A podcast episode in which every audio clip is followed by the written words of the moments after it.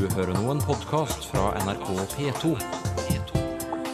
nrk.no podkast.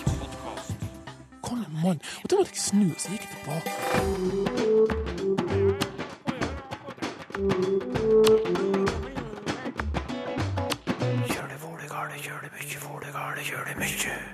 Sørlandsentusiaster tar opp kampen for å redde de bløte konsonantene. Nei, Vi syns jo at de blaute konsonantene er veldig koselige, da. Tyskland, eneste land i Europa som er oppkalt etter språket sitt. Adjektivet tysk betyr folkelig, egentlig. For det var det gamle frankernes språk. Dialektuttrykk blir det også i dag. Skuler er rask og ligger i bås. Appelsinbåt. Brøydebil. Veddekake. Egennødd. Edegilde. Deilige, bløte konsonanter som er på vei ut av sørlandsdialekten. Det konstaterte språkforskerne for flere år siden, men enkelte slår seg ikke til ro med det. Ved Universitetet i Agder har to entusiaster satt seg fore å redde de bløte konsonantene. Og det gjør de gjennom høy aktivitet på ulike sosiale medier, og nå har de også nettopp gitt ut ordsamlingen Blaude konsonanter. En hyllest til en utrydningstruet art. Birgitte Klauseth, bibliotekar og en av de nevnte ildsjelene. Hvorfor er de bløte konsonantene verdt en kamp? Vi syns jo at de blaute konsonantene er veldig koselige, da. Hva er det som er så koselig med dem? Altså, bare hør her. Det å spise ei kake, det er noe helt annet enn det å ete ei kake. Hva er forskjellen? Det er mye koseligere å ete kake. Det smaker bedre. Ja, Hva er det som er så koselig? Nei, altså, eh, de blaute konsonantene, det er jo konsonanter som på en måte er blitt svekka. De er blitt mer lik vokale. Så på en måte så, så synger en litt mer på En sørlending synger litt mer i språket sitt, kanskje, enn det resten av Norge gjør. Ja, og det er jo koselig. Det er veldig Med, koselig. med sang. Ja, ja. Du, gi oss en kort innføring i fenomenet bløte konsonanter. Ja. Eh, blaute konsonanter, eller bløde konsonanter, eh, som noen sier, det er altså de ustemte plosivene P, T og K som blir svekka til de stemte plosivene B, D og G. Sånn at tape, det blir til tabe. Og knute, det blir til knude. Og bake, det blir tilbake. Det er jo greit, men hvordan fant disse veien til eh, Sørlandet? Ja, disse fant altså veien til Sørlandet over havet, over Skagerrak. Dette er et eh, språklig fenomen som oppsto i Danmark på 1100-tallet. Og så kom det da til sørkysten av Norge på 1200-1300-tallet. Over Skagerrak. Fordi vi hadde veldig mye med hverandre å gjøre på den tida. For ti år siden, da, så, eller drøyt ti år siden, så oppdaget altså forskerne at de bløte konsonantene var på retur. Eh, Og hvordan merker du det i hverdagen din? Nei, En merker det jo eh, når sørlendinger flytter ut fra Sørlandet, så kommer de hjem med harde konsonanter. Det er det første språktrekket som forsvinner. Og så merker vi jo på våre egne barn at de ikke har blaute konsonanter lenger. De spiser kake. Ja, har, har du noen sånne i din familie? Absolutt. Hvordan, hvordan reagerer du når avkommet snakker med harde konsonanter? Nei, da sier jeg at hvis ikke du sier kake, så får du ikke noe. Hva, hva skjer da? Nei, da smiler, smiler dattera mi litt, og så, og så sier hun nok kake for å blidgjøre mammaen lite grann. Ja. Hun, hun har jo ikke flyttet uh, ut. Hun har ikke det, så vi ser et generasjonsskille. Ja. Uh, nå er jo jeg 40 år, så, men uh, neste generasjon de har da harde konsonanter. Eh, kollegaen min spurte dattera si om, om det var noen som hadde blaute konsonant i klassen, og da lo hun litt og sa ja, det er to stykk. Og de, det var litt rart. Hvorfor, hvorfor forsvinner de? Det er nok flere grunner til det. Eh, Det er klart at det er en del av standardiseringa som skjer i alle norske dialekter. Vi prater mer likt. Eh, Vi ser til Oslo. Eh, Og vi er jo mer sammen. altså Før så gifta han seg kanskje med mannen på nabogården, og nå gifter han seg med en mann fra Tromsø eller en mann fra New York. ikke sant? Så, så vi er jo mer sammen. Men, men hvorfor er akkurat de bløte konsonantene så sårbare for slike, slike språkmøter? Ja, det er et godt spørsmål. Og det er jo på mange måter et svakt språktrekk. Um, altså, hva, hva, hva ligger i det? ja, altså den språkregelen som gjorde da at P, T og K ble til B, D og G, den uh, slutta å virke allerede på 1300-tallet. Sånn at det er ganske mange ord som eh, på en måte en kunne tenke skulle ha blaut konsonant, men ikke har det. Sånn som potet, for eksempel. Vi sier ikke tomat, vi sier tomat. Vi sier ikke prade, vi sier prate. Og det er jo vanskelig å lære seg. Det må du ha inn som en sånn eh, med morsmelka, hvis du skal kunne skille da, mellom de ulike ordene. Mm. Men hvor, hvorfor sluttet den å virke, som du sier, så tidlig i historien? Nei, det er et godt spørsmål. Eh, Det er forska lite på dette. Så, eh, og det er jo lite eh, skriftlig materiale òg fra den tida. Og dette er jo et talemål. Så det er, det er bare sånn at, eh, at språket går eh, noen rare veier av og til. Ja. Men altså, de bløte konsonantene er på vei ut av, eh, ut av Sørlandet, for å si det sånn. Ja. Og for å demme opp for denne utviklingen, så har altså du og språkforsker Kristine Hasund annet gitt ut en bok med 1000 ord og uttrykk fra Sørlandet. Hva er spesielt med dem? Um, nei, dette er jo em, ord som da skal ha blaut konsonant. Og vi begynte å samle inn eh, via sosiale medier for et år siden, og det vakte utrolig eh, engasjement. Eh, og folk meldte inn ord, altså. Så det er jo alle slags ord, men det, det som er felles med de, er at de har lang vokal. Em, og så er det en P og T og K, da, som blir til B, D og G. Og Da kan det jo passe fint at du eh, gir til beste noen favoritter fra samlingen. Ja. Hvilke ord vil du løfte fram som du virkelig liker godt? Ja, jeg liker jo edegilde. Hvorfor det? Nei, for det, det sier litt om, om disse måltidene som vi har eh, nede på Sørlandet. Vi spiser ikke nødvendigvis, eller eter, vi, vi eter. Eh, og da kan vi godt spise litt veddekake, eller eh, vi kan kose oss med appelsin. Ja. Vi kan spise eble. Ja. Vi kan drikke litt hvitvin òg, Ja. innimellom. Ja. Men du, no, noen vil jo kanskje si at det å, å tviholde på den gamle måten, som du sier, og, og, og på de bløte konsonantene når man snakker, at det er nostalgi. At, at språket er i konstant endring, og det må vi akseptere. Hva vil du svare da? Ja, altså vil jeg jo svare at det er jo en leg, uh, dette her. Og det er jo òg Dette er språktrekk som har vært her i 700 år på Sørlandet. Eh, Og det er rart at det liksom kan forsvinne bare fra én generasjon til neste. Og jeg har jo faktisk eh, noen venner på Østlandet, og noen av de har, eh, har eh, lagt en støtteforening for disse blaute konsonantene. Og de sier jo at vi vil ikke reise ned til Sørlandet hvis dere slutter med de blaute konsonantene. Det er jo en trus trussel. Det er en trussel, den må vi ta med oss. Ja. Varme følelser for de bløte konsonantene, også utenfor Sørlandet. Birgitte Klauseth er bibliotekar ved Universitetet i Agder. Og hvis du har anledning, kan du jo besøke Facebook-siden for dem som elsker bløte konsonanter, eller blaude konsonanter, som entusiastene kaller det.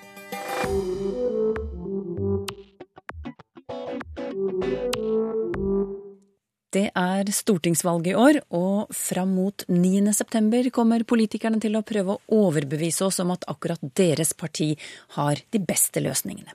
Men hva synes du om språkbruken deres? Man må jo prøve å liksom se litt hva som ligger mellom linjene i dette forskjellige politikerne sier, da, for det er jo litt vanskelig å tyde hva de egentlig mener i mange av de debattene som er. Nei, ikke alltid like lett å forstå hva politikerne egentlig mener.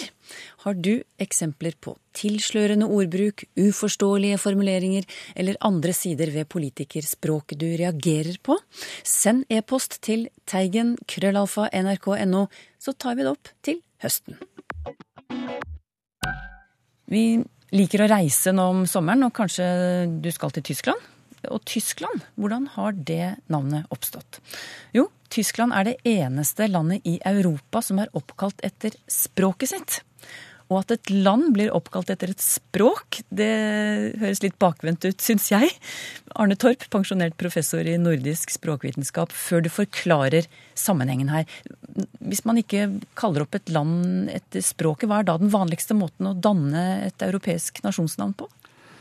Det vanligste er at eh, en tar ei folkegruppe og sier at det er den folkegruppa som hører hjemme i det landet. Eksempel Finland. Der bor finnene. I England har det opprinnelig bodd anglere. Og i Frankrike frankere. Og i Danmark dane, for eksempel. Ja. Men i Tysklands tilfelle var det altså adjektivet tysk som kom først, ikke nasjonsnavnet Tyskland. Og hvordan oppsto ordet tysk? Det oppsto, tror jeg, som en følge av at de folka som snakka det som vi kaller tysk i dag, hadde delt seg i ei gruppe som fortsetter å snakke det vi kaller i dag tysk, og ei gruppe som gikk over til å snakke det som i dag er fransk. Og den gruppa det er snakk om her, det er frankerne. For frankerne det er opprinnelig ei germansktalende gruppe, som altså da snakka et språk som vi da ville kalle tysk, eller som vi da har utvikla seg til det som er tysk i dag. Eh, Mens eh, de vestlige frankerne, for dette Frankrike, det var veldig stort. Det omfatta selvfølgelig, som en kan høre av navnet, eh, hele Frankrike. Og en stor del av det som er Tyskland. Og den vestlige delen av Frankrike-gruppa, som altså da ekspanderte innover i det som i romertida hadde hett Gallia, de ble romanisert. De gikk over til å snakke altså et romansk språk, et datterspråk av latin. Og de som da fortsetter å snakke det gamle frankiske språket, de fikk da navnet tysk. De tok i bruk navnet tysk. I latinisert form dukka det opp alt på 700-tallet, dette her. Theodiscus, og det betyr folkelig, egentlig. For det var det gamle frankernes språk. Men jeg kunne ikke lenger kalle det frankiske, fordi at det var delvis blitt et romansk språk. Ja. Men hvorfor valgte de å kalle språket sitt for folkelig? Fordi at det var det gamle folkelige språket til frankerne.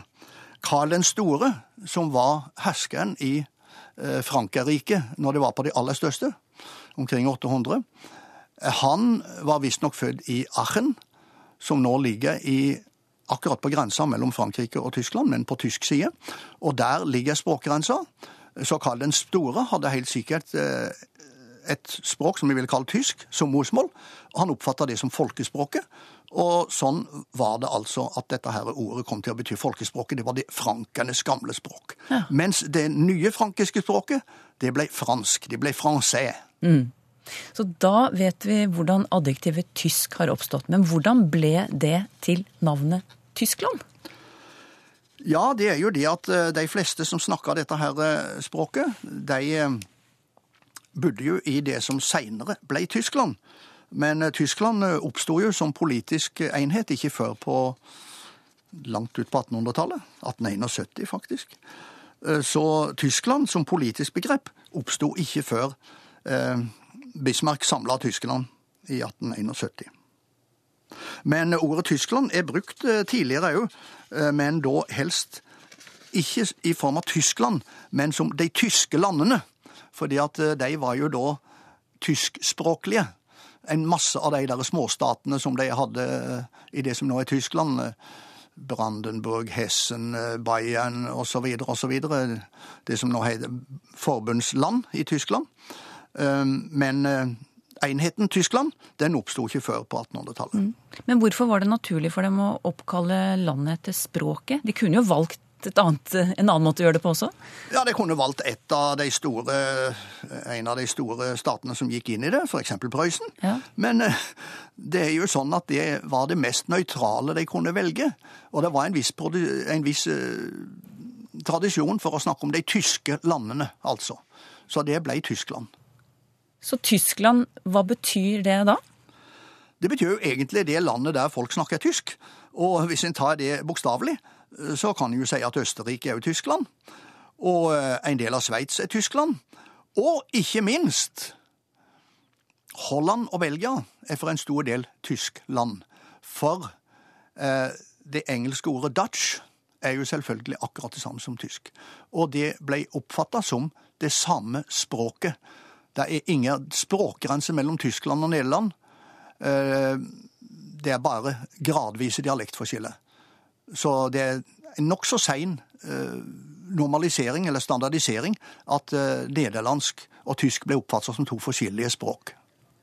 litt språkhistorie å ha med i bagasjen for den som reiser ut i Europa i sommer. Arne Torp er pensjonert språkprofessor ved Universitetet i Oslo. Det blir kveld, og så blir det morgenkveld, og så blir det enda en kveld hvis ikke jeg blir klein. Å snakke ut gjennom et hull i skjorta, Tor Erik Gjenstad, driver du noe særlig med det? Det er sikkert eh, dem som synes at det gjør det. Du, Vi inviterte lytterne til å være med å forklare denne vendingen, og flere skriver at de syns det er et knallgodt uttrykk. Og så er de vel enige om at det må bety noe sånt som ja, å si noe dumt. Ja. Du, er det noen av eh, bidragene du har festet deg spesielt ved? Eh, Ja, for så vidt. Eh, Jeg har jo et her fra Joffe Urnes, eh, som skriver her at han mener det er mulig forklaring på opphavet til det uttrykket. Det, det kan være det at, at det ikke er noe haug over den der skjorta. Så det er altså en hodeløs person som taler, som han skriver, så da blir det jo gjerne litt dumt. Og jeg, jeg tror kanskje at det faktisk kan være ideen bak det her. Altså ei, ei skjort uten, uten haug over. Ja. Og så uh, er det noen lyttere som sender oss beslektede uttrykk. Hva har du funnet der i bunken? Ja, det er jo flere her òg. Har f.eks. Leif Åge Tønnesen fra Lillesand, uh, som har et eh, farsinn, et uttrykk her. Uh, det er å snakke som en skulle holde tunga i neven. Og det er altså visvas og tøvprat. Far til Leif Åge Tønnesen vokste opp på Flekkerøya, men bodde meste av sitt liv i Kristiansand, forteller han. Uh, og det der uh, er vanskelig å si hvor lokalt det er, det der, og jeg kan ikke se at uh, har noe belegg på det i arkivet i farten, men det, det er jo ganske talende, det der òg. Men så har vi da uh, Elisabeth Høie fra Sola, uh, som nevner en talemåte her som er litt mer kjent, tror jeg. Det var mor hennes som av og til sa det til ungene, at du snakker som om lippene ikke var par. Det tror hun da at mor henne hadde lært ifra mor si, som var stril ifra Lindås. Men det her å snakke som om leppene ikke var par, det er belagt ifra spredde plasser her og der. Jeg har sjekka litt i arkivet, og det er såpass uh, utbredd som det kan nevne Fron, du har Valle i Setesdal, du har Nøtterøy, du har Sogn og du har Meløy oppe i Nordland. Og det finnes da forfattere som har bruka det der. Så det er nok litt mer etablert i, i språket. Ja, og så over til andre lytterbrev. Tore Seierstad han har vokst opp i Lågendalen i Vestfold, og der sa folk blant annet 'det kostet skjorta'. Han vil at vi skal kommentere det uttrykket. Ja, det, det er vel forholdsvis eh, utbredd her, da, uten at eh, jeg har noe god kartlegging på det. Men det finnes da i svensk. Kosta skjortan. Og skjorta, det er jo rett og slett det du har nærmest kroppen. Eh, Så du må altså gi fra deg betale med det sist du har. Det er det som ligger i det. Så du blir, du blir ribba, du blir flådd til skinnet når, du, når det koster skjorta. Så det er vel en ganske grei idé bak det uttrykket der. Han har ett ord til fra Vestfold. Robberær, som ord for gummistøvler. Ja, det er fra hvalfangstmiljøet, da. Jeg har ei registrering til på det robberær fra Brunlandnes, Vestfold. Og det må jo henge sammen med det engelske rubber om eh, gummi, uten at vi har noe så mye sikre opplysninger om det, men eh, det, det er nok sånn. Odd Johnsen har lyst til å bidra med noen dialektord fra sin barndomsein, som han skriver. Den var i Nedre Telemark, altså det området som blir kalt Grenland, og vi er på 50-tallet nå. Og ordet koe, sier han, det var det de kalte tyggegummi for. Kan det ha noe med kva å gjøre? Ja, det har jeg absolutt. For det her er rett og slett en uttalevariant av ordet kvae eller kvåe, som du har ganske mange plasser. Og eh, de tog jo eh, kvae. Eh, var den tids tyggegummi, for å si det slik. Og det er jo den der harde kvae, da, som også var kalla liksom godkoe og tøggarkoe og, og slike ord for det der. Så i motsetning til den der blaut rennende, så var gørrkoe forskjellige ord for det. Men så gikk det jo over, i hvert fall en del plasser gikk det over til å bli bruka om eh, kjøptyggegummi når den kom. Og, og somme har jo faktisk òg kalla den for amerikakoe. Ett ord til fra Odd Johnsen. Å pekke, det er å kaste på strek, skriver han. Mhm. Eller uh, kaste på stikka, som uh, den der leiken eller aktiviteten der er, er kjent som, da. Og det har oss jo nettopp ifra Nedre Telemark, pluss eh, Brunlandnes i Vestfold. Der er det òg registrert, og det kan nok finnes litt videre, men det er nå i det området der. Og jeg har jo fått bekrefta det fra Skien gjennom en kjenning som er vokst opp der, at de sa å pekke om det der. Pekke i sånn allmenn betydning, det er jo å, å hakke eller banke eller å døtte på noen, så det er litt uklart for meg hvorfor jeg er ført over på det her å kaste på strek eller kaste på stikker, da, men sånn er det. Reidun Trøen fra Mosvik i Nord-Trøndelag spør om ordet å møvle, eller å maule. Eh, Blant annet lurer hun på om dette er kjent som et vanlig dialektord flere steder enn i Trøndelag. Og så spør hun også om det er lovlig i gåseøyne å skrive eh, disse ordene, og, og hvordan staves det i så fall? Ja, eh, for å ta det siste først, da. stavemåten må jo bli M-A-U-L-E, da. Rett fram med au-diftong. Og det er jo for all del eh, lov å skrive det og, og, og bruke det skriftlig, og det, da kommer en jo i godt selskap. Det er mange forfattere som eh, har bruka det. Eh, helt ifra Wergeland og Arne Garborg og Anders Hovden og Johan Boyer og mange kjente navn som har bruka det ordet der. Og når det gjelder heimfesting, eh, så er jo det her redigert ferdig i Norsk ordbok. Og der er det såpass eh, allment at vi har ikke funnet grunn til å ha noe geografi på det i det hele tatt. Så det er nærmest et allmennorsk ord, faktisk. Og det er flere betydninger. eh, Altså det, det som jeg kjenner best, det er jo det her å ete bare én sort mat. Altså ublanda. For eksempel å maule pålegg. Og det var jo ikke helt gode manerer, eh, bare i stedet for å legge det på kakeskiva. Men så kan det òg være snakk om å maule, eh, om å ete noe uten å drikke attåt å maule kake. Det kan det òg være. Og det er flere betydninger. Som plasser betyr det å småete mellom måltider, eller å ete mye og grådig. Og også helt annet enn mat. Det kan være å, å mase eller å furte og skjennes, kan det òg bety. Da er det litt mer geografisk avgrensa. Men eh, det står jo i f.eks. i nynorskordboka, og det står i Norsk riksmålsordbok. Der er det riktignok markert som dialektalt, eller familiært, som de eh, kaller det. Men det er gammelt. eh, Ikke belagt i norrønt, men eh, islandsk har det.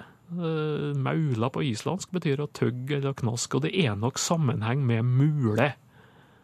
Ellen Grimstad Nilsen skriver i min dialekt fra Sunnmøre har vi et uttrykk som jeg ikke finner i ordbøkene, og det gjelder verbet å kyrkne. Det betyr å, å kveles, få noe i halsen så du ikke får puste, skriver hun. Og så lurer hun på opphavet til dette ordet. Ja, uh, her eh, kobla jeg det første jeg gjorde, var jo å koble til et ord fra min egen dialekt som nok henger sammen med det her, og det er et adjektiv som jeg uttaler kjørkinn. Og det må vel være en normalisert form kyrken eller et eller annet slikt. Og det, det betyr eh, tregt, altså at det går kjørke. F.eks. For eksempel om eh, noe som ikke er smurt skikkelig. Eh, Og verbet her, å kyrkne, da, det er jo belagt fra ganske mange plasser, blant annet nettopp Sunnmøre, også Sogn og Fjordane, og eh, en del plasser både østafjells og også oppe i Nord-Norge. Det er et eksempel fra Sykkylven her. Han tok så store tugger at han holdt på å kyrkne. Og det her kyrk, eh, altså den rota her, da, det ser ut til å ha hatt en grunnbetydning å snurpe sammen, og det henger sammen med kverk i betydning strupe og, og, og kverke. Som egentlig da er Det er jo å ta livet av, men det er jo å ta livet av gjennom strøyping. Ola Li kommer fra Sør-Gudbrandsdal og bruker ordet skuli, skriver han, med tykk L. Og skuli kan f.eks. være matavfall som grisene får. Han vil gjerne ha litt bakgrunn på dette ordet. Ja, skuli, ja. Det er jo et flertallsord. Og det finnes jo òg med en sånn flertalls-r til slutt, skulir, eller skuler. Og det er jo, som det er sagt her, matrester, avfall fra kjøkken. eh, Gjerne da oppbløtt og bruker til fôr. Norsk ordbok fører opp det ordet her fra Østlandet og Indre Agder. Så det er nok eh, avgrensa til den landsdelen, de landsdelene, ser det ut for. Sør, sørlige deler av Østlandet så taler de om skyller. Og det henger nok sammen med å skylle det her, sannsynligvis. Og når det er snakk om eh, skuli eller skuler, da, så eh, kommer jo på det her eventyret om grisen. Det står i Asbjørnsen og Mo om grisen som for til tings for å få erklært at han eh, har fortjent en annen levemåte. Han var sjalu på altså hesten og kua som lå tørt og godt i båsen sin, og, og han fikk ikke annet han skuler, da. Og skriveren syntes det der var riktig eh, av grisen, og så får han da dommen at han skal ha kveite og erter og ligge i silkeseng. Ikke sant? Og så eh, går han jo hjem, da, og, og liksom gjentar det der kveite og erter og ligge i silkeseng. Og så ligger da reven på lur og er ute med farkstreken sin som vanlig, og så begynner han å, å si da til grisen 'skuler er rask og ligger i bås'. Og det holder på med så lenge at grisen da overtar det der. Og når han da kommer hjem, så får han da spørsmål om hva, hvordan det har gått på tinget, om han har fått dom for en like levemåte, og da kommer det selvsagt 'skuler og rask og ligger i bås'. Så da blir det akkurat som før. Har du spørsmål til Språkteigen, skriv til teigen krøllalfa nrk.no. Eller du kan skrive til Språkteigen, NRK P2, 7005 Trondheim. Du finner oss òg på Twitter og på Facebook. I Språkteigen neste gang spør vi bl.a. om det gir mening å bruke begrepet bearbeidet når vi snakker om mat. Jeg mener at Å få fjernet ordet bearbeidet syns jeg egentlig burde vært borte fra vårt vokabular. Man burde ikke snakke om bearbeiding. Fordi man vet jo ikke hva det står for. Det er ikke noe definisjon. Språkteigen om en uke.